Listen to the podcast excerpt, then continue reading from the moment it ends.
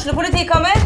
Ine Jansen er purk. Er du purk? The motherfucking bitch. Alt jeg vil, er å finne ut hva som skjedde med mannen min. Jon Carew. Er jeg sikta for noe? Iben Akeli. Det er du. Ole So, Lars Berrum og Big Daddy Karsten. Hvem sin side er du på, egentlig? Anette Hoff, Tone Danielsen, Kommer du fra Afrika? Jørnis Josef, Nesten. Kløfta. Trond Espen Seim, Det er synd å si det, men det var feil mann som døde. Purk. Se nå på TV2 Play.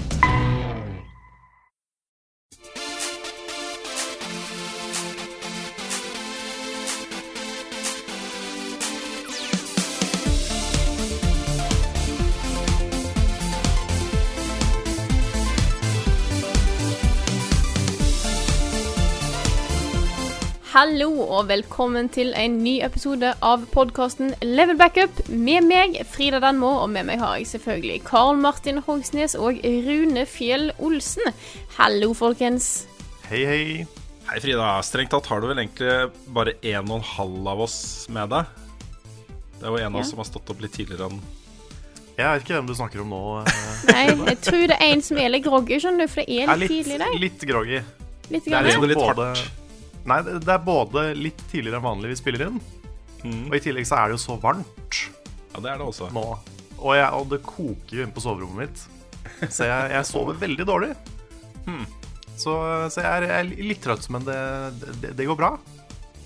Jeg tenker òg også at vi kan ta, vi eh, kan ta og la, vi kan ta og la eh, tidspunktet for når vi spiller inn denne podkasten være hemmelig, så kan folk gjette seg sjøl til hvor tidlig Ja. det faktisk er.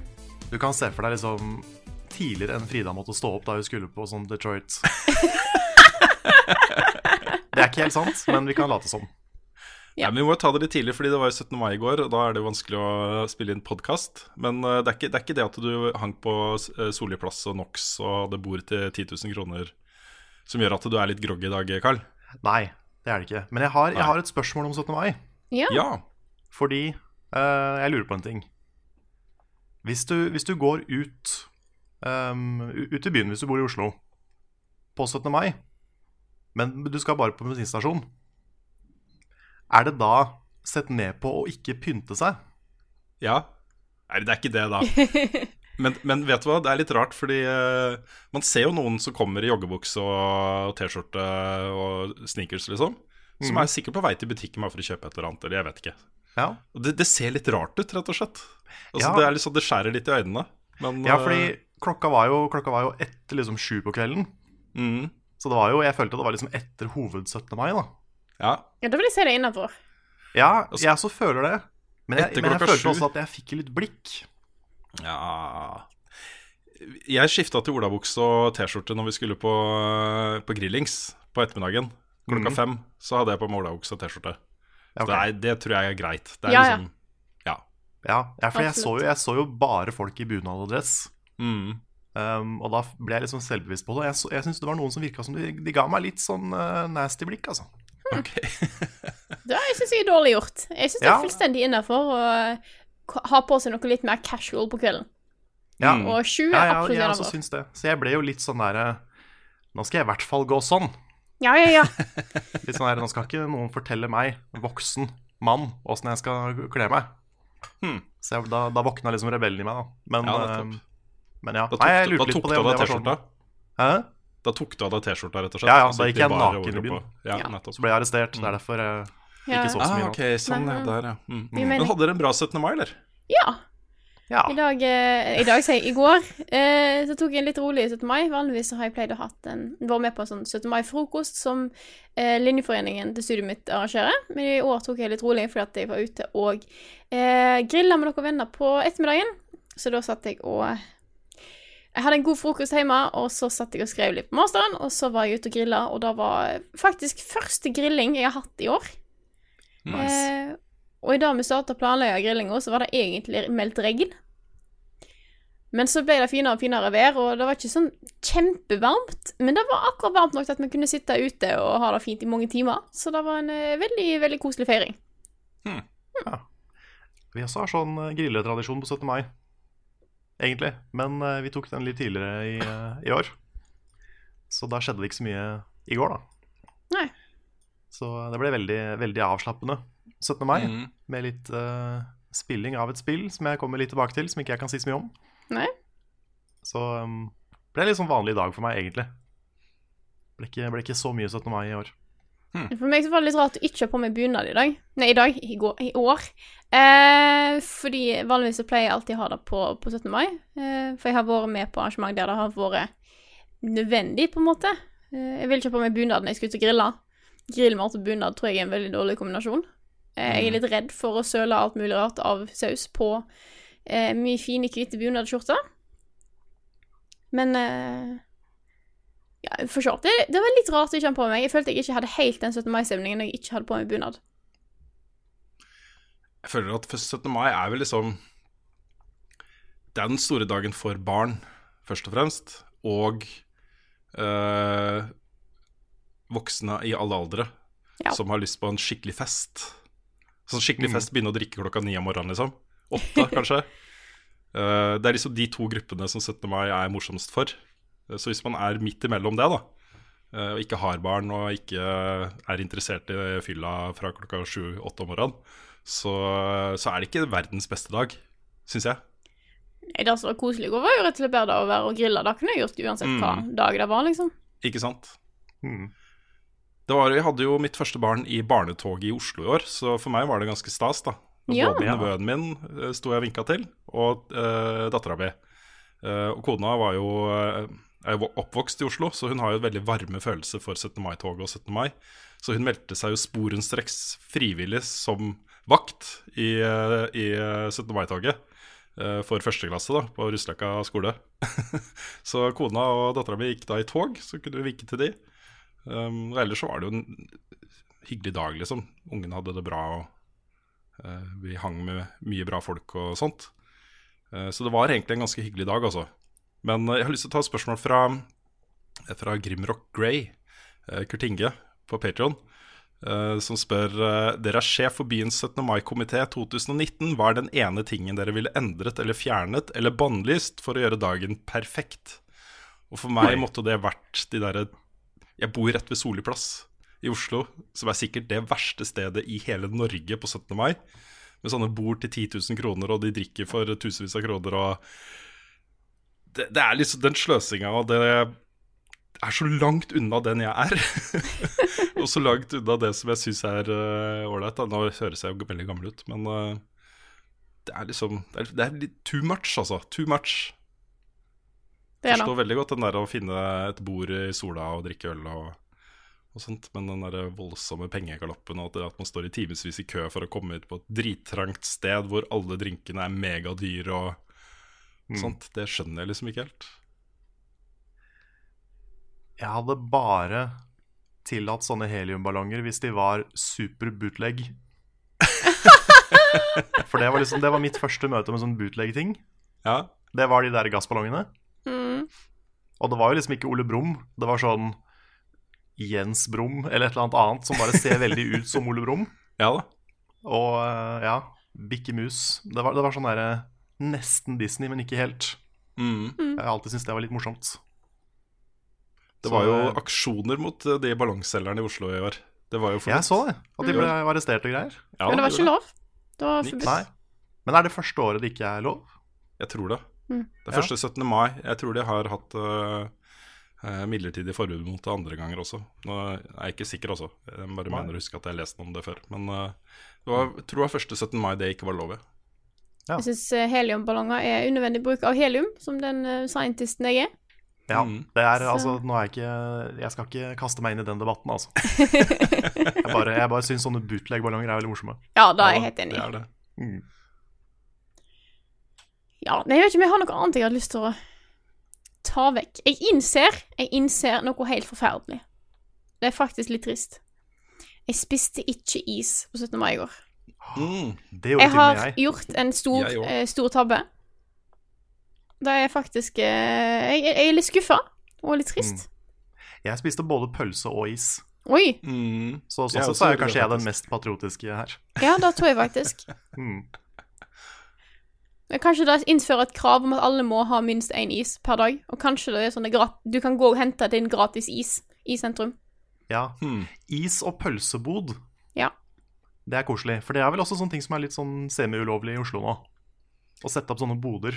Ja, det, er- det tror jeg. Du må, ha, du må ha spesiell tillatelse. Det er jo noen sånne food trucks som har fått den spesielle tillatelsen. Så det er ikke sånn Men jeg, jeg tror de har 11 lisenser eller noe sånt. Det er ikke så mange, 11-15 et eller annet lisenser til uh, food trucks.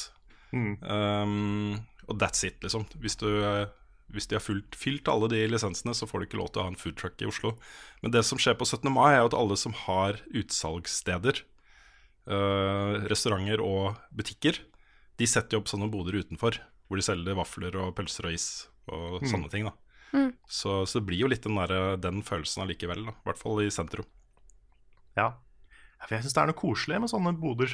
Mm. Det, da. Så ja, mer av det. Kanskje det ville vært min, min største endring.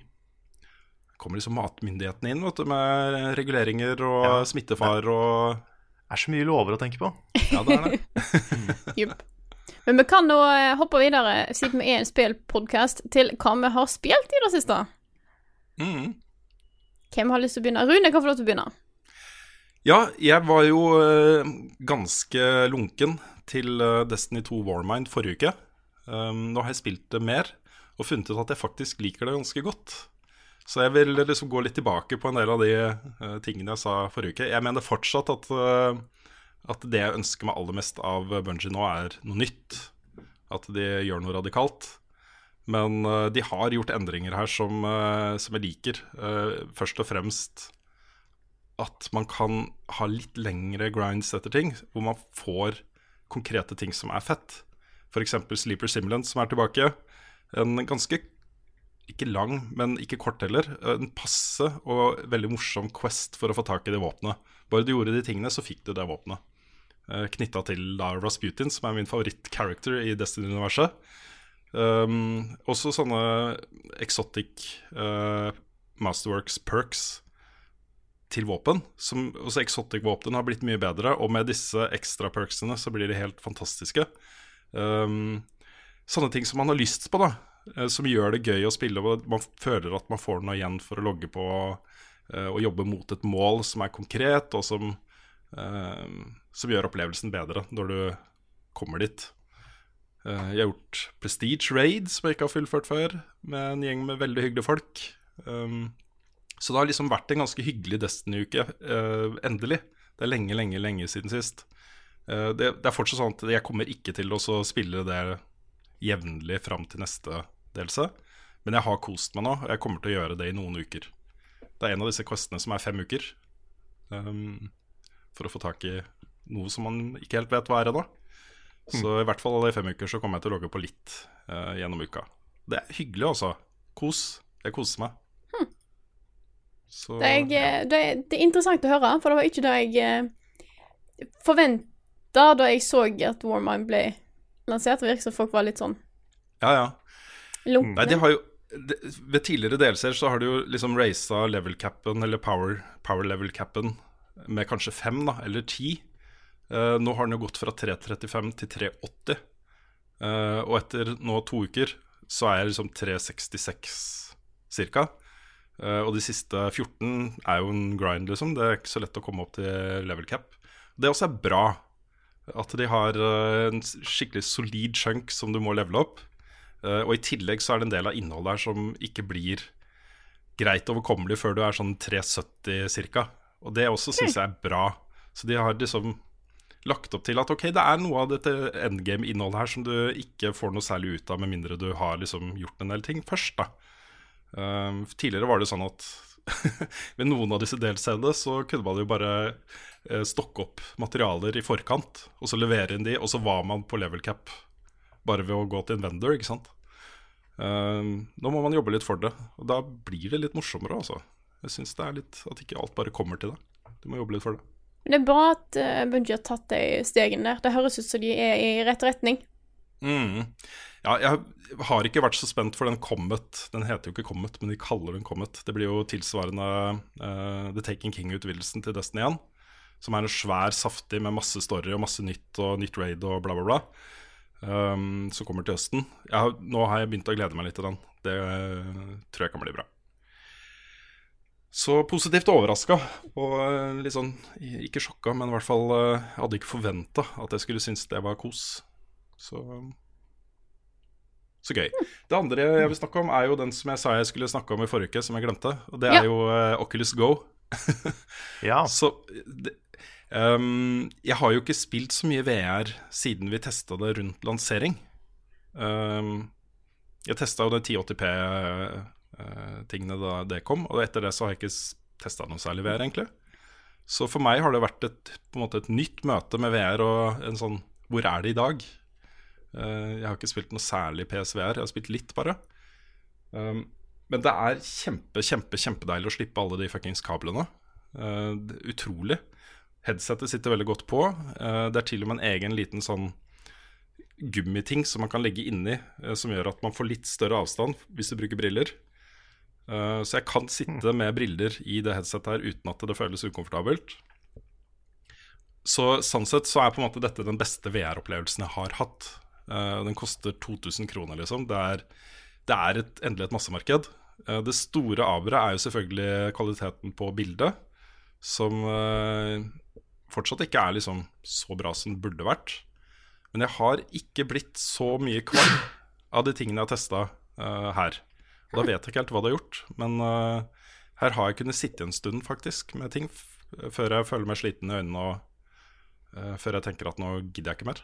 Så noe, noe har det gjort. Um, ja. Men er det, er det bare Oculus Store du har tilgang til? Er det sånn det er? Det tror jeg. Uh, jeg er ikke helt sikker. Altså, du, hele storen du, du kan uh, og bør koble den opp mot mobiltelefonen din.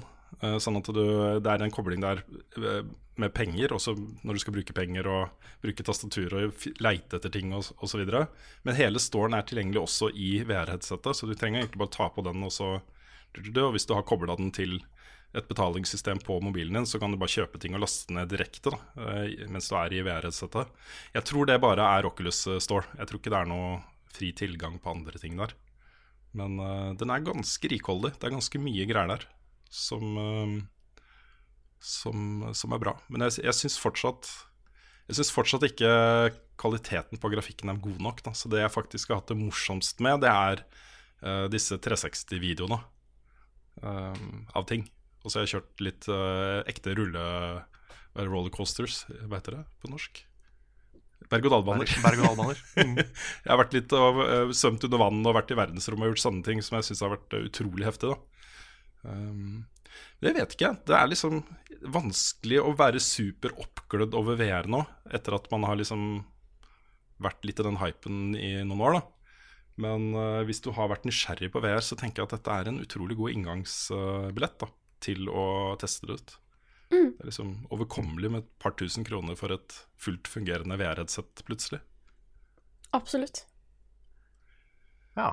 Så tanken er jo gjøre meg ferdig med testinga der, og så gi den til deg, Carl. Vi får beholde den i hvert fall eh, ute i juni et, en stund. Så okay, ja, du kult. som har er, mest erfaring med VR-headsets, bør jo også få testa den. Mm, jeg er klar for å teste den der, altså. Mm. Yeah, skal jeg ta over? Det kan du gjøre. Kjør på. Ja. Det er jo eh, sånn igjen at jeg har spilt et spill som ikke jeg får lov å prate om. Men jeg har lov å si hvilket spill det er. Ja. Uh, og det er selveste Detroit Become Human. All right. Det neste Emotions? David Cage-spillet med masse emotions. og det er eh, Jeg kan liksom ikke si noen ting Nei, før neste uke. nettopp. Hva er embargo der? å- Det er vel Er det 24., tror jeg? Ja, det kan stemme. Det kommer jo ut 25.. 25. Ja. Så det er eh, 24. eller 25. Så da blir det blir litt prat neste uke. Mm. Men um, ja. Kan, Da kan må jeg jeg egentlig bare Ja, Ja. Jeg kan nevne en til som er tilknytta. Og det ene er jo at Beyond Two Souls er jo det ene gratisspillet på PlayStation Plus denne måneden her. Mm. Eh, og i tillegg så ble uh, Fahrenheit eh, lansert på PS4 nå i forrige uke, tror jeg. Altså PS2-versjonen av det spillet. Så hvis du er Ja. eh, hypp hypp på liksom sjekke opp de gamle tingene som David Cage og gjengen har lagd, så, så er det jo to av de tre spillene de har gitt ut før, som, eh, som nå er tilgjengelige lett da på PlayStation 4.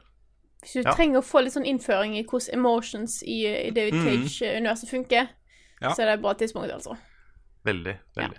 Litt sånn dykke ned i hodet til David Cage. Ja, for det er en sånn egen eh, En sånn egen stil på de spilla der. Mm. Og du har liksom de samme høydepunktene og de samme ikke fullt så høye høydepunktene. Så eh, nei, jeg får, jeg får vente til neste uke med å si, si mer. Um, men jeg har jo fortsatt på eh, Megaman eh, Classic-greiene mine. Mm. Så nå har jeg kommet meg gjennom seks Megaman-spill Oi. fra start til slutt. Og eh, jeg har jo ukens anbefaling, eh, så jeg tenkte jeg skulle spare litt til, det. Mm. eh, komme tilbake til det, men eh, det kommer jo da etter hvert. Det skulle egentlig være én video om seks spill, men det blir to. Ok. Fordi jeg hadde allerede liksom skrevet nok til én video pluss etter tre spill. Så da tenkte jeg ok, vi, vi deler opp dette her sånn at det ikke blir en kjempevideo. Mm. Det er nok ikke så dumt. Nei. Så, så får vi se om jeg liksom går videre til eh, 7, 8, 9, 10 etter hvert. Men ikke i første omgang. Det blir liksom Det blir Ness-spilla nå, og så får vi se. Mm. Ja, det gleder jeg meg til å se, Carl. Ja, det er gøy å lage litt eh, klassikerinnslag igjen, altså. Det er Mm. lenge siden. Det er mange som har etterspurt, da, så det Det er det. Vi har liksom brukt så mye tid på Film i tull fram til nå. mm. Så da, nå som vi har det på pause, så kan vi gjøre litt mer sånne ting. Mm. Så ja, da blir det mer fra meg neste uke. Høres bra ut. Jeg, Jeg har jo eh, bedt om å få en ekstra kode av Detroit. Jeg har også lyst til å teste det. Veldig. Det blir nok, eh, hvis, hvis jeg får William i hvert fall, så blir det nok en spoilercast. Ja, men det er kult. høres bra ut. For jeg har, eh, har muligens allerede runda det. All right. Muligens. Ja. Mm. Så ja. Det er et spill jeg gleder meg til å høre om hvordan er. For det er et Mhm. spill jeg er interessert i å se om er bra. Eller om det er standard David Cage. Det, det er noe, i hvert fall. Så det, ja det kan, kan hende det er begge deler. det var veldig uten, vagt. uten å si om det er det eller ikke, Ja. så kan det hende. Hmm. Hmm. Det var passe vagt, eh, Carl. Jeg tror det var innafor. Mm. Ja, absolutt. Jeg har ikke spilt noe, så jeg lurer på om jeg kan kutte der. Ja, anbefaling. Det er Carl som skal anbefale noe i dag. Han har jo allerede teasa litt om det. Jeg har det. Jeg tenkte jeg kunne ta en sånn smooth Segway inn i neste spalte her nå. Ja, ja. Fordi vi er fortsatt på Megaman. Og jeg føler at det, det er ingen som prater om Megaman 5. Og det er min anbefaling. Fordi nå har jeg spilt alle sammen i rekkefølge, rett etter hverandre. Og jeg ble veldig positivt overraska over Megaman 5. Og alle prater om liksom, er det toeren som er best, er det treeren som er best. Men det er kanskje femmeren, ass. Jøss. Oi. Og det er liksom det er et spill som eh, Det kommer jo ut Muligens, hvis ikke jeg tar helt feil, så er det, så var det etter at Super Nintendo kom. Da Det var det femte spillet i serien, så jeg skjønner at liksom det, ble, det ble nok litt overkjørt da det kom ut. Men at ikke liksom folk har gått tilbake og sett på det som liksom et av de beste, Mm. det, det syns jeg er rart. Så det kommer, kommer nok litt om det i eh, innslaget når den tid kommer. Men grunnen til Men, at du har eh, spilt alle disse her, er vel at det har kommet en pakke ikke sant, med alle spillene? Eller? Ja, du får jo Megaman Legacy Collection. Ja. Den er ikke ny, men den er eh, ute på PlayStation 4. Mm. og Xbox One, tror jeg. Mulig den er på PC, og den kommer vel nettopp ut på Switch. Nettopp. Så kommer vel også Legacy Collection 2 nå. Mm. Så, så det, er, det er veldig lett å gå tilbake og spille de gamle. Så da anbefaler jeg å ta en titt på femmeren. Og de har ikke eh, tatt en Square Enix og bare eh, lagt ut eh, Android-versjonen av spillet? Eh, nei, det har de ikke gjort. Men det er, det er litt rart, da, fordi NES-versjonen av spillet, eller alle, sammen, alle spillene, de um, sleit jo litt med sånne slowdowns. Ok? Når det er mye sprites på skjermen og sånn. Så går det liksom ned i sånn der 5-6-7 frames i sekundet. Og det har de aldri fiksa, Jøss. Eh, uansett hvor du spiller det. Det er rart. ja. Det er litt rart, og jeg vet ikke om det er fordi liksom Autentisk opplevelse. Ja, det er det jo. For Ja. det, var jo, det var jo en sånn ting som skjedde veldig ofte på NES. At det var jo veldig begrensa hvor mye du kunne vise på skjermen samtidig. Mm. Men jeg vet ikke om, det liksom, om de da må lage spillet på nytt for å fikse det. Eller hva det er. Fordi det er rart at de aldri har gjort noe med det. Ja. Det er egentlig veldig sant. Det kan jo tyde på at det de kjører, er jo rene emuleringer, da. Eh, hvor Ja. de Ja, det er, det er nok det. Det er nok emulatorspill. ja, hvor Sikkert da, akkurat det samme som er på virtual console og alt det der. Ikke sant? Hvor da backbonet er en NES, på en måte. Og så kraften Mm. og alt mulig rart. Ja, det er nok det. Men eh, Nei, det, det syns jeg er litt spesielt. Mm. At ikke de har Men det, det er vel kanskje det, da, at ikke de har laga noe på nytt. Men bare emulerer originalene. Det er mye enklere å gjøre, sikkert, enn å måtte lage hele spillet på nytt. Mm. Så jeg vet ikke. Kanskje, kanskje en dag så lager de spillene fra scratch med liksom ny hardware. Det, Full HD. full HD, til og med. 3D-remake. Ja, ja for de, de lagde jo det, det er jo sant, de lagde jo 9 og 10. Og det er jo sånn retro-style-spill. Og så vidt jeg husker, så har ikke de den delay-greia. Så det hadde gått an å lage, lage de gamle spillene på nytt i den nye widescreen engine-greia. Mm. Kanskje det er det jeg skal gjøre. Ja. Get on it, Capcom. Rune er klar for å fortelle oss om nyheter. Hva er det som har skjedd i spillmediet den siste uka, Rune? Ja, eh, jeg er jo også litt trøtt i dag. Ikke pga. villfesting på 17. mai, men eh, jeg satt nemlig oppe og så den nye eh, Inside Xbox-greia, sånn at dere skulle slippe å gjøre det. Det var hyggelig gjort av deg. Ikke sant? Ja. Den kom jo ut eh, Også de eh, la, jo den ut klokka halv ett i natt, og den varte ganske lenge. Den varte så lenge at jeg ble så trøtt at jeg ikke fikk med slutten. Um, men de hadde jo en del news der som jeg syntes var kult, og jeg må nesten begynne med det som ligger mitt hjerte nærmest. Uh, no Man's Sky Next, som kommer 24. juli. Um, multiplayer. Coop og PVP. Mm. de sa, sa ikke noe om hvor mange man kan være i coop, men det virka som om det var en del. Det virka som om det var liksom ganske omfattende. Eh, og det virka også som om hele spillet nå er PVP, også multiplier. Så det, han forklarte Sean Murray var jo på scenen, på en Xbox-scene, det var jo litt morsomt. eh, Og fortalte at eh, ok, du kunne være en vennegjeng som drev og bygde sammen og reiste rundt i galaksen sammen. Um, og så kunne dere møte andre random folk, eh, og enten da gå i kamp med dem eller begynne å samarbeide med dem. Uh, hvis du landa på planet og noen hadde bygd noe der, så fikk du faktisk se liksom, de bygningene som de hadde lagd. Så det har blitt på en måte Det er den siste brikken i uh, det som mangla i No Man's Sky, for meg, da. For nå har de jo gjennom de siste to årene lagt til uh, basebygging. du kan kjøpe freighters, du har landbaserte kjøretøy, de har lagt inn permadeath. Masse greier, liksom. Eh, og nå får de multiplayer. Jeg har ikke testa noe av dette her, så når denne updaten kommer, så inkluderer jo det alle de oppdateringene de har gjort gjennom disse to årene, ikke sant.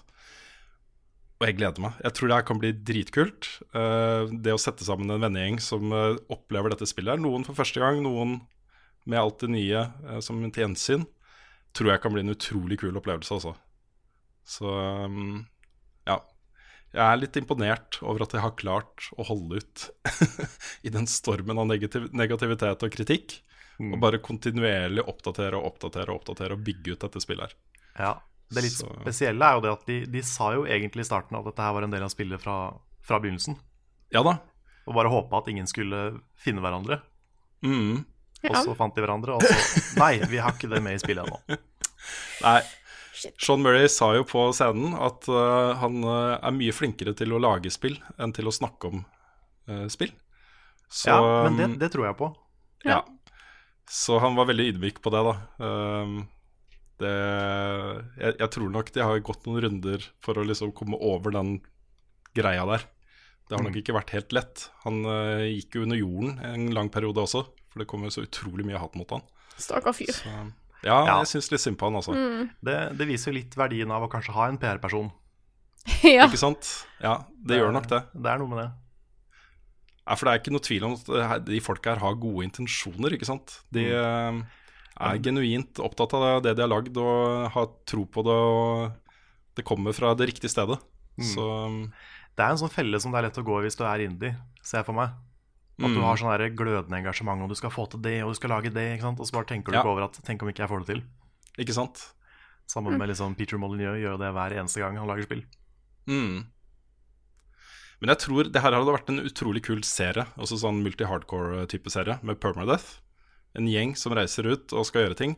Fordi i tillegg til uh, PVP-biten, at du kan møte da folk som har gjenga opp for å, uh, for å uh, ta deg, så er det jo også Noen av disse planetene er jo livsfarlige i seg selv. Det å lande på en planet med det klimaet som er der, at det er eh, dritvarmt eller altfor kaldt eller giftig eller masse sentinels som driver og jakter på deg osv. Så, videre. så det er en ordentlig utfordring, tror jeg, og en ordentlig spennende utfordring. Det kunne vært gøy, altså. Mhm. Greit. Ellers så var jo eh, Inside Xbox, er det ikke det det heter? Det er jo et, uh, Microsofts versjon av Nintendo Direct. Et sånt show. Hmm. Jeg vet ikke. Er det, er det Inside Xbox det heter? Det høres riktig ut. Ja, Ja. det høres riktig ut. Det er jo, jeg blir jo litt lei meg av å se sånne ting, for dette er jo, hva skal man si, PR som ligner på journalistikk. Dette er jo bare Microsoft-folk som sitter og snakker om Microsoft-ting. Um, og som stiller kos koselige spørsmål til utviklerne og, og sånt, men med et formspråk som ligner på et show, nesten et show vi kunne lagd, bortsett fra at de er litt for sånn Litt for uh, happy, eller litt sånn Ja. Det, det er ikke, det Skal er på ikke hardslående kritiske spørsmål. Nei, men de er flinke, da. De folka som er der, er flinke. Og det kunne vært et, et Gamespot-show eller IGN. Altså det kunne vært et sånn type show. Det gjør meg litt sånn trist at det er, kommer fra publisherne, liksom. Ikke fra journalister, da. Men eh, det er vel sånn verden har blitt litt. Jeg vet ikke. Ja, Ja. Sony gjorde det samme på PlayStation Experience i år. Ja. Eller i fjor, blir det vel. Mm, Da så var det jo bare en gjeng som satt i sofaer og intervjua hverandre. nettopp. Ja, det er litt sånn greit. Det er, eh, det, det er ikke sikkert at det hadde vært eh, masse tunge, kritiske spørsmål hvis det var en ordentlig redaksjon som hadde lagd disse tingene. Det blir jo Nei. ofte liksom pjatt i sånne settinger uansett. Det- det Også når det. vi gjør ting. Ja, ja. Men samtidig så er det greit å på en måte ha muligheten. Ja, eksempel her, da, så Hvis man bare så den uh, Inside Xbox-episoden med No Man's Sky, så fikk man inntrykk av at dette bare kommer til Xbox One. That's it, liksom. Det kommer ikke til noen andre plattformer. Men samme updaten kommer jo til PC og PlayStation 4 også, uh, samme dag. Så det er jo ikke, det er jo ikke et Xbox-spill, men det er første gang det er på Xbox. Så um, hadde det vært vi som hadde lagd det showet, så hadde vi sørga for å poengtere det, da. At eh, det er ikke bare, ikke sant. ja. Ja. Skjønner. Men det var flere nyheter der. Den eh, største av de andre nyhetene eh, var jo at de viste skikkelig fram Xbox Adaptive Controller. Og det er et produkt som gjør meg glad tvers gjennom hele meg, altså. Mm. Det her er jo et produkt. Her fikk du jo eh, uttalelse fra teamet som lagde det. Og det de sa, var at dette var ikke et prosjekt som noen kom til dem og ba dem om å lage. Dette var et prosjekt, uh, dette research- og development-teamet til Microsoft lagde selv. Også de, de, eh, de hadde en hackathon hvor dette produktet her eh, kom opp. Og alle begynte liksom å gløde for det og brenne for det. Dette her må vi bare lage, og så har de lagd det. Og det det er, er jo en, eh, en kontroller som koster rundt 1000 kroner når den lanseres, for folk som ikke eh, klarer å bruke en tradisjonell spillhåndkontroller. Folk med bevegelseshemminger, eh, folk som eh, kanskje mangler armer eller et eller annet. Folk eh, med forskjellige typer um, greier som gjør at det, det å trykke på disse knappene og styrespakene og sånt, er ikke så lett for dem. Så det åpner jo opp spillmediet for utrolig mange mennesker. Og det er så kult å se, altså. Mm. Det er veldig Absolutt. Jeg liker veldig godt at de faktisk tar det steget. Uh, fordi at dette er jo en Det er en ting som ikke nødvendigvis uh, gjelder gjennomsnittsgameren. Men det, det er så viktig for de det gjelder. Mm. Det hever livskvaliteten voldsomt for så mange. Mm. Uh, og Måten dette funker på, er at istedenfor at du har en kontroller, så har du en slags sånn turntable-funksjon. Den er stor nok til at den kan ligge i fanget ditt. Uh, og det er to sånne bevegelsesflater på den, uh, pluss litt knapper. Men det som er kontrollsystemet, er jo masse sånne minijack-innganger bak, hvor du kan koble til hva som helst.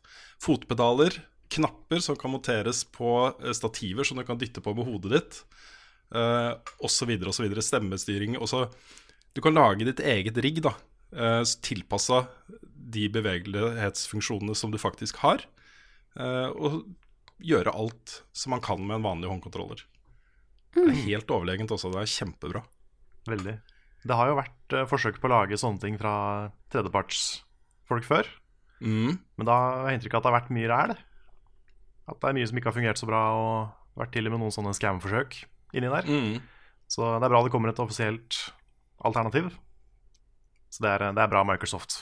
Mer sånt. Det er det. eh, veldig, veldig. Veldig, veldig fin ting. Jeg har også hørt, eh, apropos det, at um, det har blitt mye mer eh, vekt på å legge til sånne fargeblindmoduser og sånne ting i spill. Mm. Ja. Ja. Det er også bra, for det, det, Det er er det mange som sliter med. Så Ja, virker det er som folk bra. har begynt å tenke litt mer på sånne ting. Akkurat det er liksom Det skal ikke så utrolig mye til. Altså hvorfor, hvorfor bare ikke gjøre det? Det er vel med i Siv, hvis jeg husker rett? Ja, eh, Peggel har også, også fargeblind modus. Det gir Ja, veldig mening. Destiny gjør det. Ja. Mm. Greit. Og så ble det annonsa den første delelsepakka til Sea of Thieves, The Hungering Deep. Den kommer nå allerede 29. mai. Og de har planlagt til sammen seks uh, content updates i år som kommer. Og dette er jo en uh, så som var litt inspirert av den Cracken-tingen som er i Sea of Thieves fra lansering. Dette handler jo om monstre fra dypet som man kan eh, jakte på. eh, ja, noe mer enn det viste dere ikke fram, men eh, den ble i hvert fall annonsa. Ellers så brukte de jo mest tid på eh, State of Decay 2, som kommer ut nå neste uke. Eller i dag. Det kommer ut i dag, faktisk. For uh, hvis du har kjøpt en eller annen sånn spesiell versjon av det spillet, så får du tilgang til det i dag. Og hvis du uh, kjøper den vanlige versjonen, så er det på tirsdag eller mandag eller et eller annet, tror jeg. Ja, skjønner. Early access. Det skal jeg ikke snakke så mye om. Eh, jeg- ser at det får relativt lunkne anmeldelser rundt omkring, men vi får vente og se hva Nick sier om det. Han har begynt å spille. Mm. Nick er jo kommer blodfan av eneren. Ja da, han elsker jo eneren, så, så vi får se. Eh, den siste tingen som jeg tenkte å ta fram uh, fra uh, dette Xbox-showet, er jo noe som også har, blitt vist fram andre steder. Eh, og det er jo denne Divinity Original Sin 2 Definitive Edition, som kommer i august. som begynner å ta litt form. Og de gjør ganske mye med den. Og hvis ikke vi klarer å få en i level up til å anmelde den versjonen når det kommer, så da, da må vi bare gå i skammekroken, altså. Når er det det kommer? Nei, det kommer i august en gang. Det Ja, da får vi til. Da må vi må til. Det, få det må vi klare. Ja. Ja, De har gjort masse reworks. De har for eksempel, Nå sier jo ikke det meg noen verdens ting, men de har reworka hele akt tre i spillet. Med eh, recorda en, en ny eh, dialog. Eh, bygd om hele dritten, liksom. Eh, det er også lagt til nye eh, vanskelighetsgrader, som gjør at du skal kunne spille dette her som et historiespill. Bare breeze gjennom eh, combat og få med deg historien. Det er gjort masse sånne ting som, eh, som jeg syns høres eh, interessant ut. Så- kommer det også på PC? Ja, det kommer på PC, PS4 og Xbox One. Ja, ok. Så, så hvis, du hvis- har kjøpt spillet fra før, så kan du få det her Billigere. Ok, Det blir blir en update. Nei, jeg tror det vil koste litt penger. Det blir en update. Ja, Det er mulig at det er gratis. Jeg er ikke helt sikker. Synsing fra vår side. Ja, Synsing. ren synsing. Kanskje Hadde vi hatt showet, så hadde vi kanskje spurt om det. Ja, Ja. kanskje det. Kanskje det. Kanskje Ja, det. jeg, nå så ikke jeg den biten. Det var etter at jeg gikk og la meg. Så Ja, okay, okay. det vet jeg ikke. Hmm. Uh, greit. Vi får sikkert Eh, masse kommentarer på det. Helt sikkert. Det har kommet et par andre kjempestore nyheter også eh, i uka som gikk. Eh, Black Ops eh, 4 har fått sin første Hva skal man si? eh, gameplay Det var ikke gameplay, men de snakka om det for første gang. Den nye um, Battle Royale-modusen heter Blackout. Eh, og ser ut som Call of Duty på et veldig stort map. Men det ser jo også ut som de har henta inspirasjon fra alt fra uh, Fortnite og uh, PubG til Rainbow Six Siege og en del andre sånn squad-baserte spill. Eh, Men det jeg tenker er Rett etter at jeg så den traileren, så så jeg en oppdatering av eh, PubG hvor eh, det kommer noe nytt. eh, Altså Miramar-mappet kommer til Xbox One og en del sånne ting. Når du ser på en måte ser for deg uh, hva skal man si, Triple A-greiene til Call of Duty opp mot en litt sånn keitete uh, indie-greia som er PubG. Hvis de gjør det riktig, hvis det er gøy å spille, så det kan bli dritfett, altså. Så eh, jeg, jeg blir ikke oppglødd av å se den blackout-greia de viste fram. Men jeg tenker at det kan bli en svær greie. Jeg tenker at det kan bli gøy å spille, og at det kan få mange, mange mange spillere også. Ja. Jeg syns bare det er festlig at alle bare sånn Å ja, forresten så har vi Battle Royale. Ja, ja, ja. Jeg hørte det er kult hos The Kids. Eh, Ikke sant? Mm, Ja, det er, det er litt sånn Hello Fellow Kids. Ja. Se, se hva vi har. Men, eh, nei, men det er noe med det. Altså, spesielt satt opp mot PubG på konsoll. Mm, ja. For det er visstnok et eh, eh, Det er visstnok bare ræl. ja. mm. Så det, er jo, kan, det kan jo eh, Hvis de gjør det ordentlig her, eh, og det har ting som eh, som PubG og Fortnite ikke kan tilby, som er å ha bedre kvalitet, da, så kan de kuppe hele markedet. I hvert fall på konsoll. Det kan bli stort. Det kan bli stort. Mm. De gjør jo en Det er vel de som kjøper COD uansett, er det ikke det også? Jo. Ja, jeg Veldig tror det er færre og færre av de. Men det er mange Ja. som tenker at hvis det først kommer et bra COD multiplayer-spill, så er jeg tilbake. Ja. Så, Ja. Men det er jo også litt kontroversielt at ikke det er noe campaign. ja, Ja. du kan spille eh, zombie-modus eh, mot botter, og du kan også spille noen andre sånn eh, Jeg vet ikke, de kalte det training missions eller et eller annet eh, i singleplayer. Men det er ikke noe story her. Det er bare Det er, bare, altså det er fokuset er multiplayer. Da. Nei, vi får se. Jeg, jeg har litt tro på det. Jeg, jeg, jeg, vet ikke. Det må være bra, altså. Men det kan jo være bra. Hvis det er bra, så har det megapotensial. Det kan bli spennende å se. Mm, det gjør det. Um, ellers så var jo kanskje den største nyheten Og det er jo litt sånn feil journalistisk å ta den største nyheten eh, mot slutten. Men i og med at uh, Inside Xbox-tingene skjedde liksom i natt, så vil jeg ta det først. Eh, Rage 2 fikk jo sin avdukking uka som gikk. Og Rage 1 var vel ikke et spill som ekstremt mange var ekstremt entusiastiske for. Det fikk sin fangruppe, på en måte. Men det ble ikke noen sånn kjempeting. Så jeg vet liksom ikke Nei, det, det er ikke det spillet jeg så for meg ville få en oppfølger i år. Nei, ikke sant? Og det er heller ikke det spillet jeg hadde sett for meg plutselig ble noe av det jeg gleder meg mest til. Det kommer ikke før i 2019. Men eh, det er jo Avalanche som lager dette spillet. Og det er jo de som står bak Just Cause og Mad Max. Og den traileren de ga ut, så ut som Fallout 4 eh, Men et skytespill, på en måte. Også et mer sånn fast-paced skytespill. Litt sånn Serious Sam møter Fallout. Jeg syns det så dritkult ut. Jeg syns det så kjempebra ut. Det så uh, ut som et spill jeg har lyst til å spille, rett og slett. Ja, altså litt sånn der Mad Max-vibes med, vel- med en litt mer sånn fargerik, morsom vri, kanskje. Virka som det ikke Ja. tok seg selv sånn veldig alvorlig. Nei, sånn veldig over the top. Sånn, eh, sikkert inspirert av Just Cause, som jeg heller aldri har likt ekstremt godt. Jeg syns det har vært litt sånn ok, men som sandbox-opplevelse så har det vært ganske bra, da. Ja. Litt, litt Borderlands, kanskje? Ja, litt Borderlands. Ligger nærmere Borderlands enn noe annet. Eh, Der Ja. tenker jeg at ok, når E3 først kommer og vi får se Borderlands 3, så kan det hende at det blir mer exciting enn en, enn, eh, Rage 2. Men eh, inntil det skjer, i hvert fall, så Nei, det, det er litt rart at vi får Rage 2. Det er, det er litt som NAC 2, på en måte. Det sånn Ingen som ville ja, ha det, men de lagde det allikevel. Ja, det er sånn, ok, Ja. da får en oppfølger, greit. mm. id er jo involvert her. Det som, eh, det som var på en måte den store uh, store salgsargumentet for Rage 1 var jo at det var id som lagde engine. Og id er jo mestere til å lage FPS engines.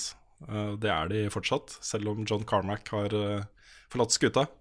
Så um, eh, de er kjent for å lage bunnsolide engines, rett og slett.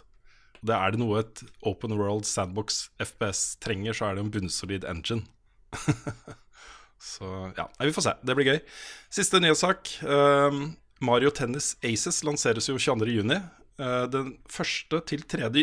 3. juni så kan du delta i gratis turneringer på Switch i Mario Tennis Aces. Du laster ned en demo av spillet som tror kanskje den er ute nå. Eh, Om ikke nå, så i hvert fall snart.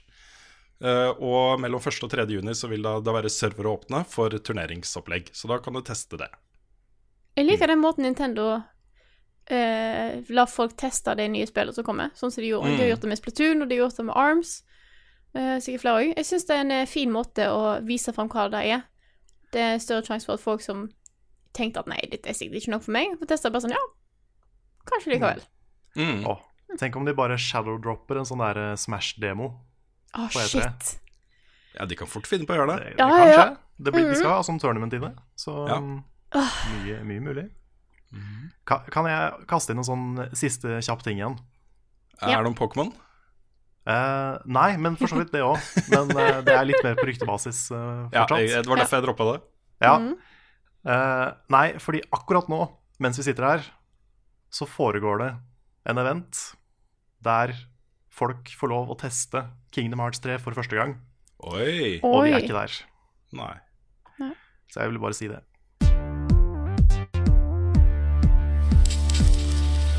Som vanlig er dere veldig flinke til å sende inn spørsmål til oss, eh, og vi starter derfor med ukens eh, spørsmål.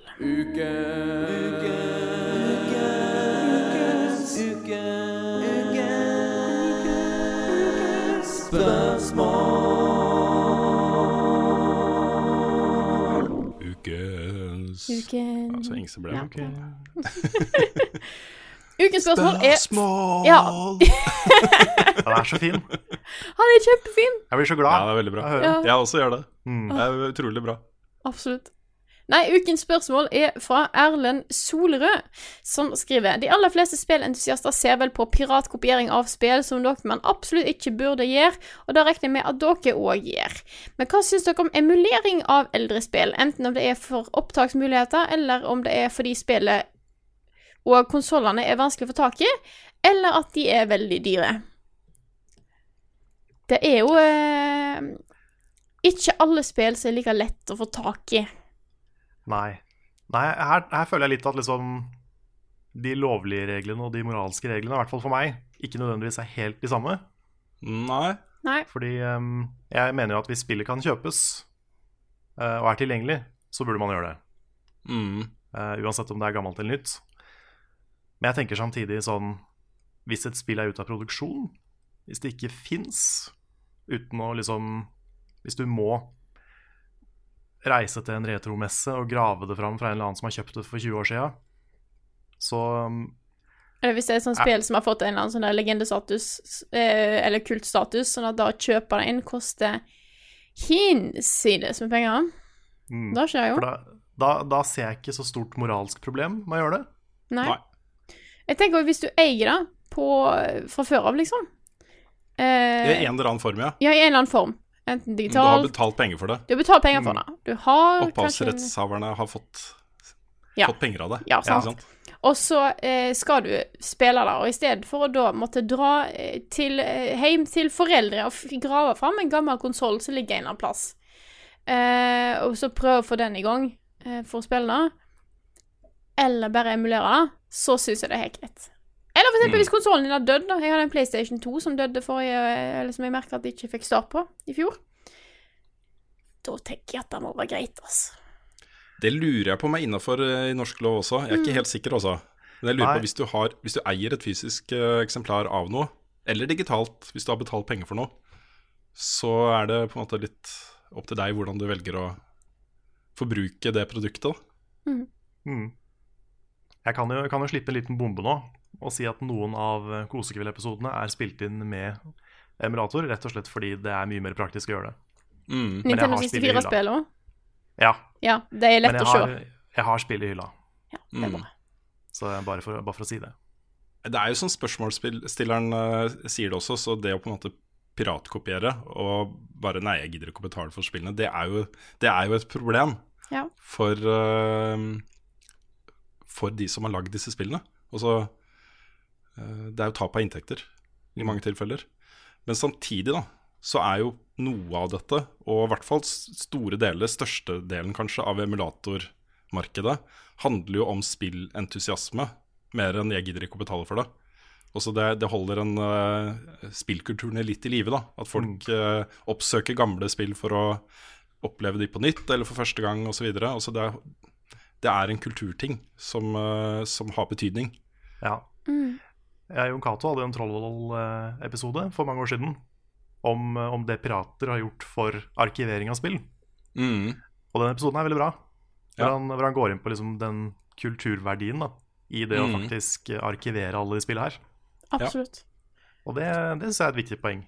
Mm, for det er en del av disse spillene som ikke er lett ikke, som, er som ikke er mulig å få tak i på virtual console eller sånne type uh, shops, da. Uh, Mm. Og det er synd hvis de bare forsvinner. For det er Ja. en del av historien til spill. Disse Mm. eldre spillene. Ja, for hadde publisherne vært flinkere til å arkivere det sjøl, så hadde vi ikke trengt det. Nei. Men uh, nå er jo veldig mange av de ikke det. Det er jo mange spill som bare ikke blir produsert lenger. De fleste blir jo ikke produsert lenger. Mm. Og uansett om du da um, piratkopierer det eller kjøper det av en annen på en retrospillmesse f.eks., så får jo ikke de noe penger. Nei, det gjør ikke det. Det er noe med det òg. Det var jo en kjempedebatt, det òg, med sånn back in the day, med kjøp av bruktspill. Der fikk jo heller ikke utviklerne noe penger. Nei, den debatten går jo nå videre med disse keysellers-greiene online. Mm. Hvor også uh, pengene går jo ikke til verken publisherne eller utgiverne. Det går, eller utviklerne. Det går jo til Det er jo økonomi helt ved siden av. Og så er det også sånn, tror jeg, at veldig mange av de som eh, piratkopierer, gjør ikke det av onde intensjoner. De gjør det rett og slett fordi de ikke har råd til å bruke alle de pengene på spill. Um, de bruker fortsatt så mye penger de kan på spill i løpet av et år. Um, og dermed så er jo ikke det et direkte tap for spillindustrien heller. Uh, så jeg vet ikke. Nei, Det hadde vært uh, interessant å sett eh, en kurve av liksom piratkopiering på PC satt opp mot bruk av Steam. Mm, Fordi jeg har en følelse av at de går i vidt forskjellige retninger. ja. At uh, Så fort liksom Steam kom og var brukervennlig og greit og enkelt, så er jeg sikker på at piratkopiering gikk veldig veldig ned. Mm. Fordi spillindustrien må jo også ta litt grep her, og har også gjort det ved å f.eks. være litt mer sånn uh, dynamiske på prissetting av spill. Hvis de ser at salget går dårlig, f.eks., så er de jo fort ute med å skru ned prisen. Uh, hvis det er salgsperioder på de forskjellige plattformene, så er de flinke til å ta liksom, de mest aktuelle spillene og sette ned prisen på, og gjøre det ganske betraktelig. Eh, Lage pakker, ikke sant. Eh, Ubisoft har jo en pakke, hadde jo en pakke på Steam-salget hvor du kunne få tilgang til nesten alt de har gitt ut de siste årene, for én sum, ikke sant. Så altså, Ja. Så er det jo noen spill som gjør litt narr av dette her òg. Du har jo blant annet eh, Jeg lurer på om det var Game Dev Tycoon, som handler om at du skal være Du skal være en spillutvikler, da. Lage spill. Og hvis du hadde piratkopiert spillet, så får du enormt problem in game med at det er liksom folk som piratkopierer spillet ditt, og du tjener eh, veldig lite penger, da. Så folk som gikk ut på forum og sånt og sa at hei, du, jeg eh, sliter veldig med, at, eh, med å tjene penger på spillet mitt uh, in game, fordi at alle bare piratkopierer. Det bare sånn, ja. Det er fordi du piratkopierte deg sjøl. Det er det mange som sånne favoritt- morsomme. Ja, mitt favoritteksempel der er Serious Sam. Det er to et eller annet, eller en et eller annet Serious Sam-spill. Hvor hvis du har piratkopiert det, så er en av de første tingene du møter, er en, uh, et monster. Som er nesten komplett umulig å drepe, og den gir seg ikke. Den bare følger etter deg helt til du er der, liksom. Så eh, det var også litt morsomt. Her er på en måte det til stede i form av et uh, fuckings monster som du ikke klarer å drepe. Jeg tror det var Pokémon X og Y. Så fikk du ikke lov å levele hvis du piratkopierte. Mm. Shit. Og Earthbound så ble saven din sletta rett før siste boss. Å, neimen i Så den er, den, er, den er ekstra slem. Å, Mm. herregud. Nei, men jeg tror, jeg tror det som eh, Det som kan komme til å skje nå, er jo at eh, spillindustrien går samme veien som musikkindustrien. Hvor, eh, hvor tjenester som Spotify og Tidal Ikke Tidal akkurat nå, kanskje. Det er vel mange som stikker fra Tidal. Fy fader, for en sak, altså. Å, herregud, ja. Det her har jeg ikke hørt om. Å, den er festlig. DN har jo eh, gravd i, i brukerdataene. De fikk en harddisk med bruk, brukerstatistikken fra Tidal. Uh, nå skal vi være litt forsiktige, fordi dette her kommer til å ende opp i retten. Ja. Uh, men det brukerdataene viser, ifølge DN, er jo at, eh, at uh, folk har spilt av enkeltlåter og albumene til Beyoncé og Kanye, Kanye West. Og JC. Ja, JC var vel ikke nevnt så mye der. Jeg tror, Eh, jo, jeg tror det var hans tror det var hovedsakelig hans og eh, Beyoncé sine album var Men Nei, det var, en- det var Kanye. Det var, okay. eh, Kanye West og Beyoncé var de to eksemplene som DN brukte, i hvert fall. Ja, okay. Uh, hvor de har fått flere hundre millioner ekstra visninger. Og det som skjer da, er jo at de får en mye større andel av pengene til Tidal-brukerne. På bekostning av alle de andre artistene på Tidal, ikke sant. Eh, da, og de er jo også to av eierne. eierne. Ja, De er jo to av eierne av Tidal også. Det er jo det som er litt ja. eh, Ja. Og i tillegg så er det jo Det viser at folk har på en måte spilt av eh, utallige sanger samtidig, blant annet. Ja. Det Tidal påstår, er jo at brukerdataene er manipulerte. At ikke de stemmer. Men eh, vi får se. Jeg, jeg tror ikke på dem. Eh, men vi får se da hva, hva som blir slutt, sluttresultatet her. Poenget mitt var uansett at uh, musikkpiratkopiering var jo megasvært da internett kom.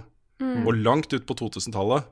Uh, og så kom jo Spotify og ga deg muligheten til å få tilgang til nesten alt for en grei pris i måneden. Og til og med gratis, da, hvis du var, eh, eh, ikke var, hadde noe mot å få litt reklame nå og da. Piratkopieringa er jo nesten borte på musikk. Folk gjør jo ikke det lenger. Uh, og nå ser du en sånn tjeneste som, uh, som Xbox Game Pass, hvor det legges til flere og flere spill. Jeg tror det kan bli mer og mer vanlig. Da. Og til slutt så sitter vi med en situasjon da hvor uh, du ikke trenger å tenke på piratkopiering fordi alt er tilgjengelig så lenge du betaler en fast sum i måneden, ikke sant. Mm. Så um, kanskje. Spennende. Mm. Og med det så tror jeg vi hopper videre til neste spørsmål. Jeg har lyst til å ta et eh, veldig eh, Jeg føler et veldig viktig spørsmål å få, få oppklart her i i dag. Det er fra Oda Sinterud Berg som spør Ikke, ikke spillspørsmål, men spørsmål hun har lurt på lenge.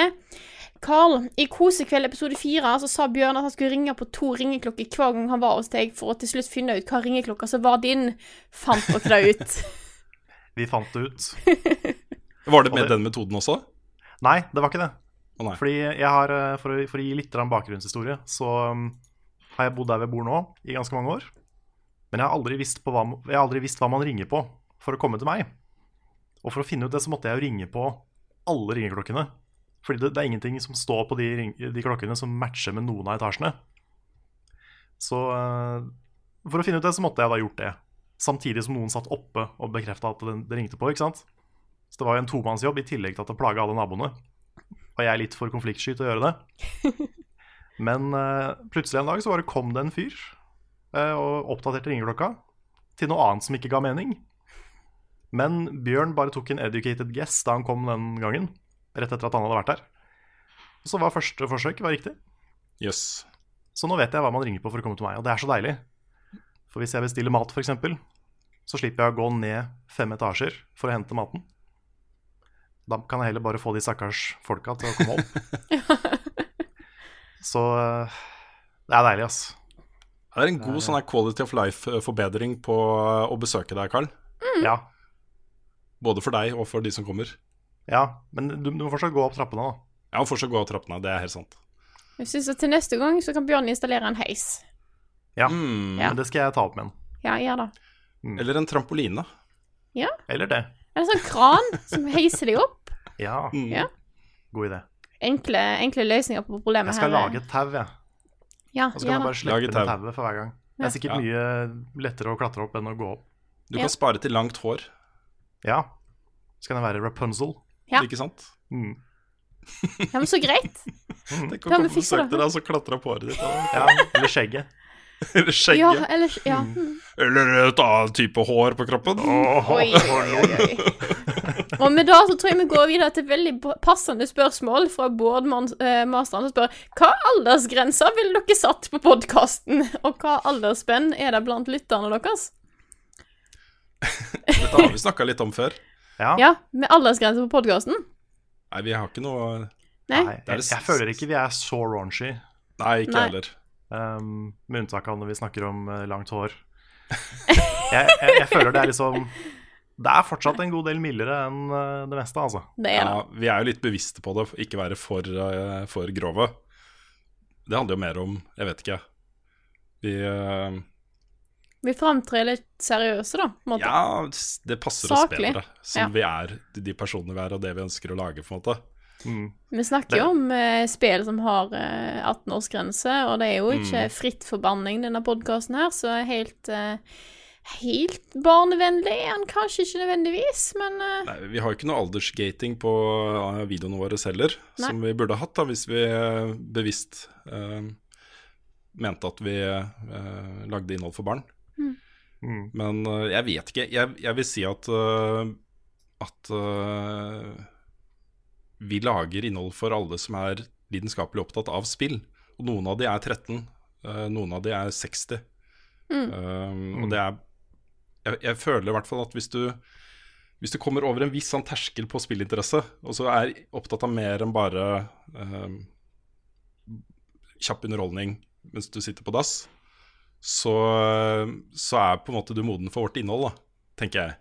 Mm. Eh, Og statistikken vår viser jo at den typiske level up-seeren og lytteren er ca. et par og 20 år. Største, største aldersgruppa vår er eh, 18 til 35. Um, Men vi har også mange lyttere og seere både over og under. Så jeg tenker at det bare viser at det er en viss anmodningsnivå modningsnivå på både det vi lager og på de som forbruker innholdet vårt, da, Mm. tenker jeg. Ja. Hadde vi hatt aldersgrenser, så hadde vel kanskje grensa på kosekveld vært litt over Kanskje. eh, de andre. Nå, er ikke, nå er ikke nye kosekveld så grovt. Nei. Det er Men, ganske, eh, ganske rolig, vil jeg si. Ja, ja det er kanskje det. Ja, du hadde jo sensurert uh, Bjørn. Ja, vi har Mhm. lagt inn litt sånn der Max Mekker. Eh, det, er ikke, det er ikke mye sensur, ass, men det er bare et par ord som, eh, som vi putter inn en liten brø istedenfor uh, Ja. det egentlige Mm. ordet. Ja. Men jeg kan jo komme med en liten tease der. Jeg nevnte Peggel i stad. Og det viser seg at Peggle, eh, hvis man spiller det på en Let's Play, så blir man veldig fort veldig eksistensiell. Okay. Så vi, har, vi, går, vi går dypt inn i psykologi og mennesker og jantelov og mye forskjellig i, i kommende Peggle-episoder av Kosekveld. Herlig. Dette gleder jeg det meg til. Så det er bare å glede seg til debatt. Åh, ja, Det Høres perfekt ut. absolutt. Det er det perfekte sånn her eh, meditasjonsspillet. Så da ble, det, da ble det mye prat om mye forskjellig. Mm. Nice. Og med det så tror jeg at jeg skal be om litt hjelp fra Carl. Ja. You know Det skal du få. about. Ja, ja. Ukens Sinfor. Hvis dere fikk tilbud om å jobbe i et spelselskap som level-designer, hva selskap vil dere jobbe for? Og ville du gått indie eller stort etablert selskap? Det er da spørsmål fra eh, Trond Sinfor Borgersen. Det er litt interessant å tenke liksom, hva, hvor vil en helst jobbe? Indie versus eh, Triple A-utgiver? ja. Mm. Også level design spesifikt. Mhm. For det er ikke den jobben jeg ville valgt hvis jeg kunne velge. Nei. Nei, Men vi, kan jo, jeg- vi kan jo sette det litt bredere, da. Se at Ja, det nei, er generelt. jeg, jeg, har et, jeg har et svar på det. Ja, okay. Hadde jeg vært level designer, så hadde jeg fiksa Sonic. Ja. Det hadde jeg gjort. Mm. Fordi Sonic Forces, det var ikke bra nok, ass. Nei. Der kunne jeg laga bedre levels. Det er, det er helt sant. Mm. Jeg er eh, eh, Når jeg tenker på level, så tenker jeg på to ting. Det ene er eh, også Quake deathmatch-stilen på levels. Altså levels med liksom knutepunkter og hotspots og flyt og korridorer og snarveier og trick jumping og sånne ting. Det er på en måte det jeg setter mest pris på da, i level design i deathmatch-spill, og der har id vært konger. Det har vært så bra. Også Epic med Unreal-spillene har vært veldig gode på det. Det tenker jeg det hadde vært gøy. Da. For, det, for det første så må du mestre spillet 100 Altså Du må vite hvordan man trickjumper for å komme deg liksom på de snarveiene og sånne ting. Uh, og for det andre så må du bruke så mye tid på å designe flyt. Og det tror jeg hadde vært gøy, altså. Det å se for deg liksom hvordan folk kommer til å bevege seg i et map, og så designe liksom items, plassering ut fra det. Det tror jeg har vært gøy.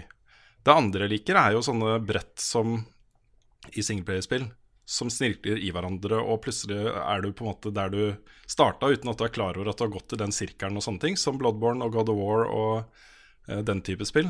Det hadde også vært gøy, fordi jeg tror prosessen med å lage de brettene er veldig morsom. Eh, Det er sikkert ikke bare én person som har kommet på dette, men de sitter sikkert og planlegger ruter og eh, hvor skal man plassere ekstra tøffe fiender og items folk trenger, og hvordan skal vi liksom få folk til å komme opp og ned og bort og fram og ned og rundt og sånn. Og så er vi der igjen. Det høres gøy ut. Og en, flere av de snarveiene og hemmelige veiene i Bloodborne er jo helt fantastiske. Plutselig så er du et helt annet sted. som du har vært i før. Ja. Jeg er Det er gøy, altså. Jeg, jeg har veldig sans for sånne ting. Uh, jeg tror at i her så det liksom er indie versus uh, stort selskap, så tror jeg heller jeg ville gått stort selskap, fordi at da er en ofte flere personer som sitter der og kan bounce ideer på hverandre og sånne ting. Uh, jeg tror hvis du er level-designer i et eh, Jeg spørs hvor stort indie-selskap det er, da, selvfølgelig. Men at du ofte kanskje bare er én eller to. Jeg tror ikke jeg er, har nok kreative, geniale ideer til å kunne være en solo level-designer og lage et bra produkt. Jeg tror jeg er bedre av å liksom, jobbe med litt flere. Så jeg tror Kanskje det kanskje, hadde blitt det? Kanskje det hadde blitt ja, genialt? kanskje det. Kanskje Ja, det. mm, Vet Kanskje det viser seg at du er naturtalent på det. Ja, ja, kanskje. Mm. Men jeg syns også det var um, den der prosessen med å lage baner i Mario Maker som føltes som Mario-baner. Ikke bare som var liksom vanskelige eller bare var kule, men som faktisk føltes som de hadde passa inn i et Mario-spill. Mm. Den prosessen var ganske gøy. Så kanskje liksom et 2D Mario hadde vært Ja. kult. Jeg tenkte litt på Nintendo. Et eller annet plattformgreie tror jeg jeg hadde klart meg bra. Metroid tenkte jeg på. Det hadde Ja. vært fett. Jeg tenkte noe Rayman, kanskje. Ja. Jeg, Jeg, jeg tror ikke jeg hadde vært smart nok til å lage en Zelda-dungeon. Nei, da er jeg med på den. Mm, For jeg er veldig dårlig på puzzles og sånne ting. Eller i hvert fall på, på å lage puzzles. Mm. Så det er ikke noe for meg. Men plattform, maybe. Det har jo kanskje noe mer sånn high-paced, sånn som, sånn som for eksempel nyere Rayman. Mye der er jo litt high-paced. Kanskje noe sånt? Mm. I don't know. Lager ting Sånn som, sånn som de nyere i Rayman Legends, som er rytmebasert. Det har du Ja. meg. Er ikke jeg fått til. Men jeg tror eh, vi tar eh, Ja. Kanskje dere har noen spørsmål?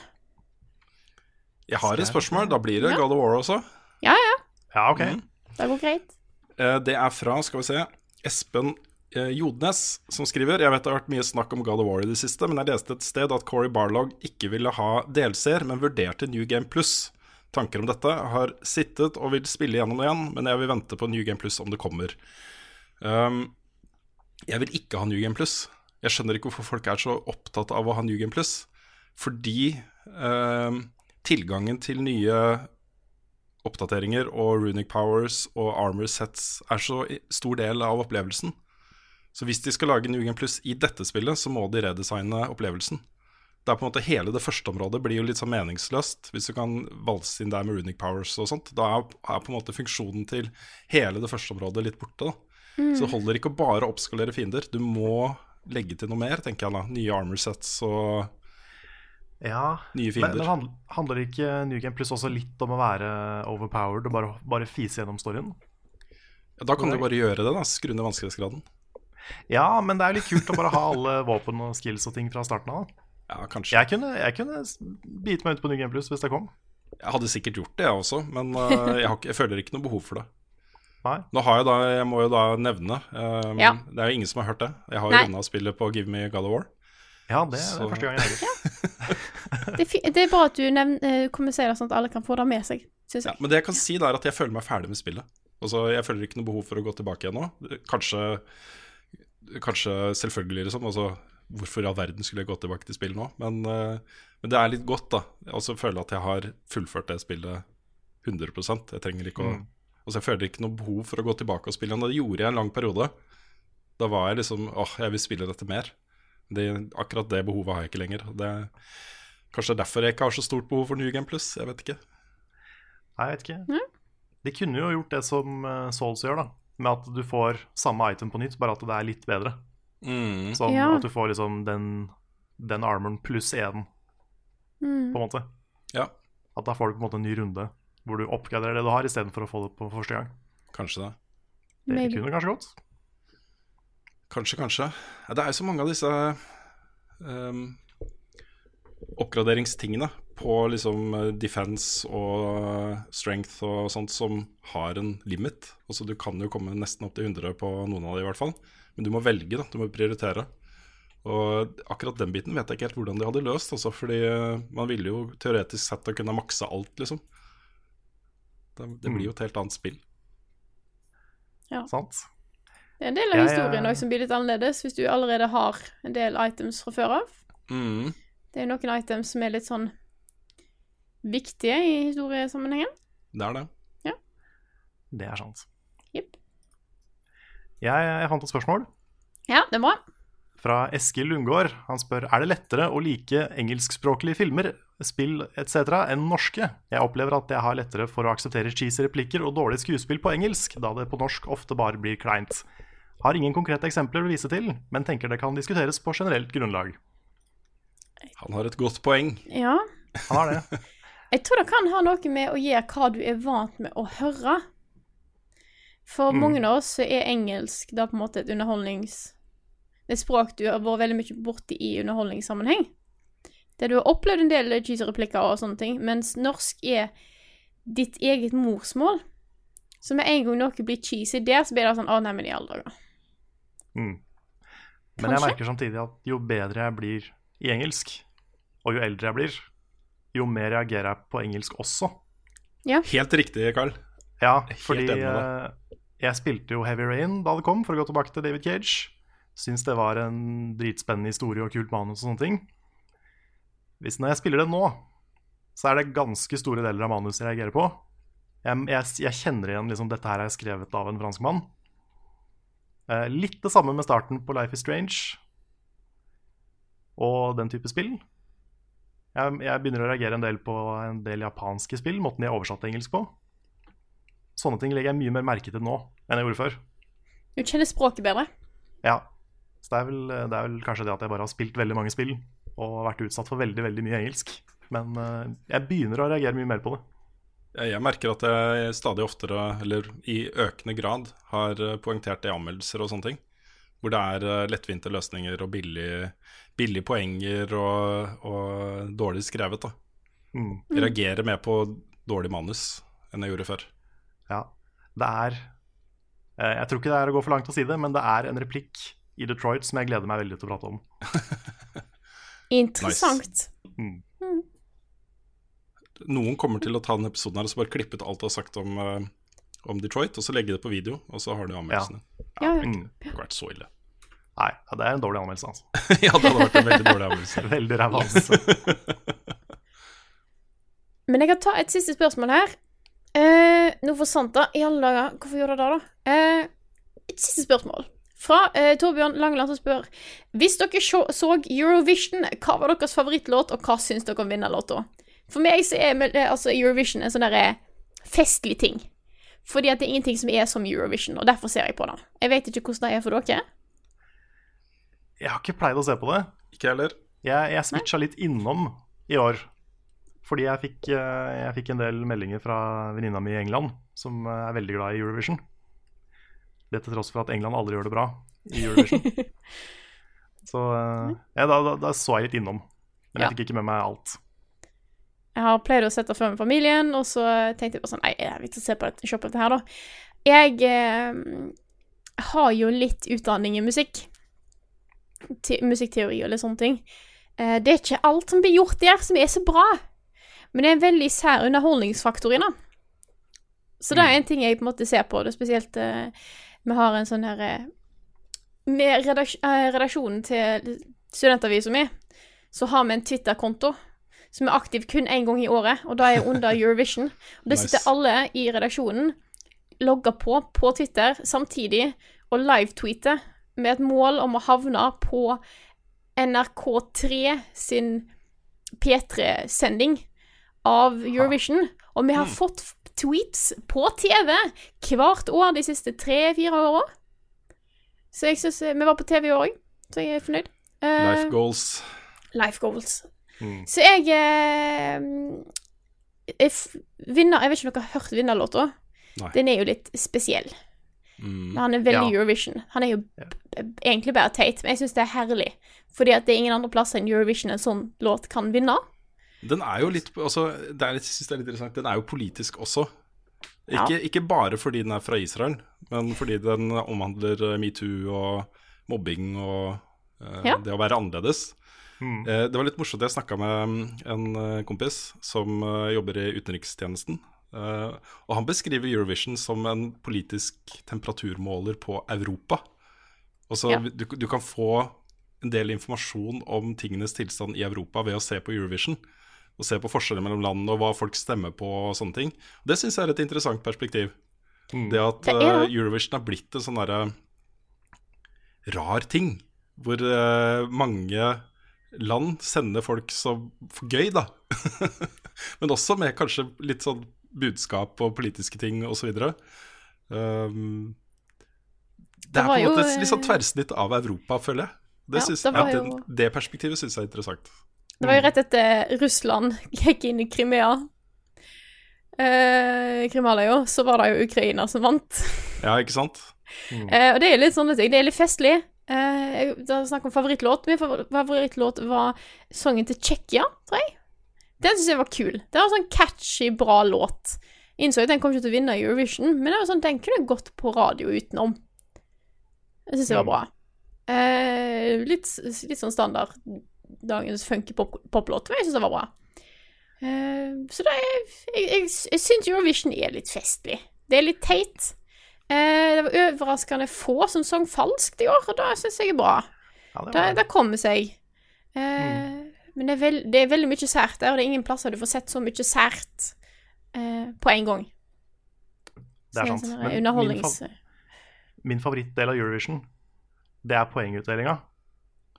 Både fordi det er sånn ekstra spennende, og så blir det sånn stemning rundt det. Men også det at hallomenn og hallodamer fra over hele verden prøver veldig hardt å være veldig morsomme. Ja, det er gøy. Ja. Og veldig mange får det ikke til. Og så er det delay, og så blir det gale. Og så er det delay, så det liksom hele den timingen blir helt ødelagt. Og mye sånn høflighetslatter og veldig sånn kunstig innøvd banter og sånne ting. Uh, og sånt syns jeg er veldig morsomt. Mm. Men det er det gøy. Det, det er to ting da som jeg har veldig lyst til å gjøre en gang. Som vi sannsynligvis eh, hadde fått mye blanda tilbakemelding på. Og det ene er å livestreame Eurovision. Sånn som vi gjør med. med E3. Jeg er med, Ja, jeg. er med. Lett. Og en, og en Paradise Hotel spoilercast. Åh, da må jeg begynne å se det igjen, da. Ja, da må jeg jo begynne å se det. Ja, jeg har falt av for lenge siden. Ja. Det er, det er to ting som hadde vært veldig gøy, om, om også veldig utafor det vi vanligvis gjør. Jeg er definitivt med på livestreaming av Eurovision. Ja, det Ja. hadde vært eh, morsomt. Det hadde, Det hadde vært kjempegøy. Ja. Hvis det Ja. går an å få en feed som ikke har han norske kommentatoren, ikke sant, så kan vi være de norske kommentatorene. Mm. Ja, da må det gå an å få til.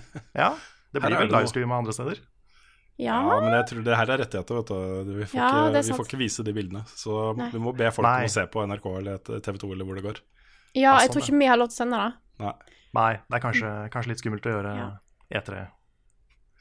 E3-greia. Ja. Ja, men vi kan jo bare kjøre FaceCam, og så kan folk kjøre liksom eh, Streame det fra NRK i et vindu, og så ha vårt i et annet vindu.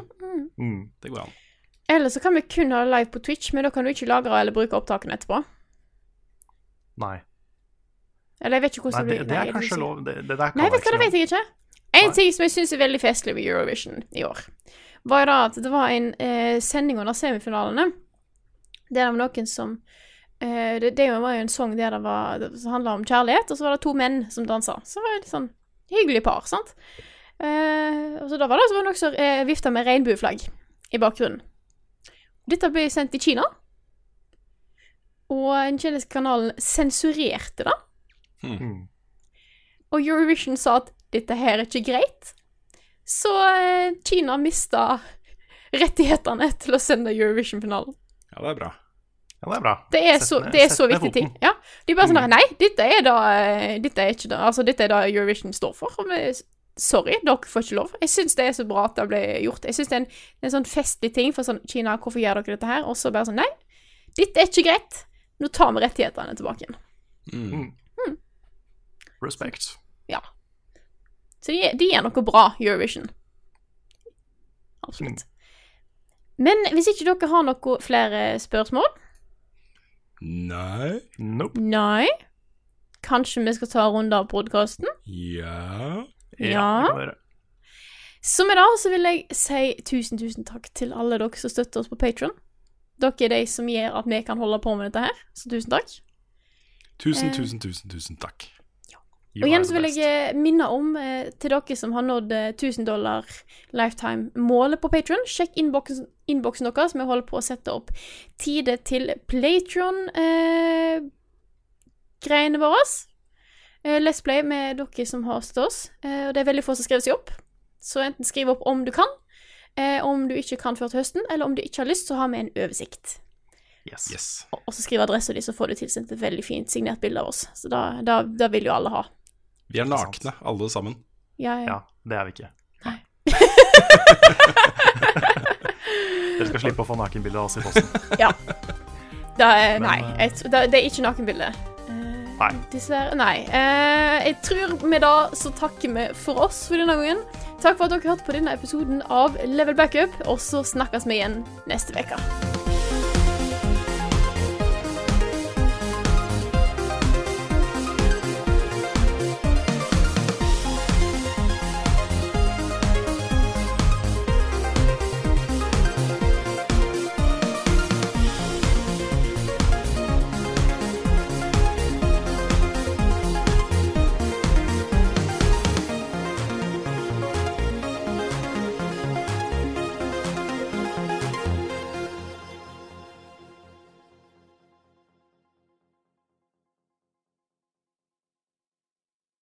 Har du et enkeltpersonforetak eller en liten bedrift? Da er du sikkert lei av å høre meg snakke om hvor enkelt det er med kvitteringer og bilag i fiken, så vi eh, gir oss her, vi.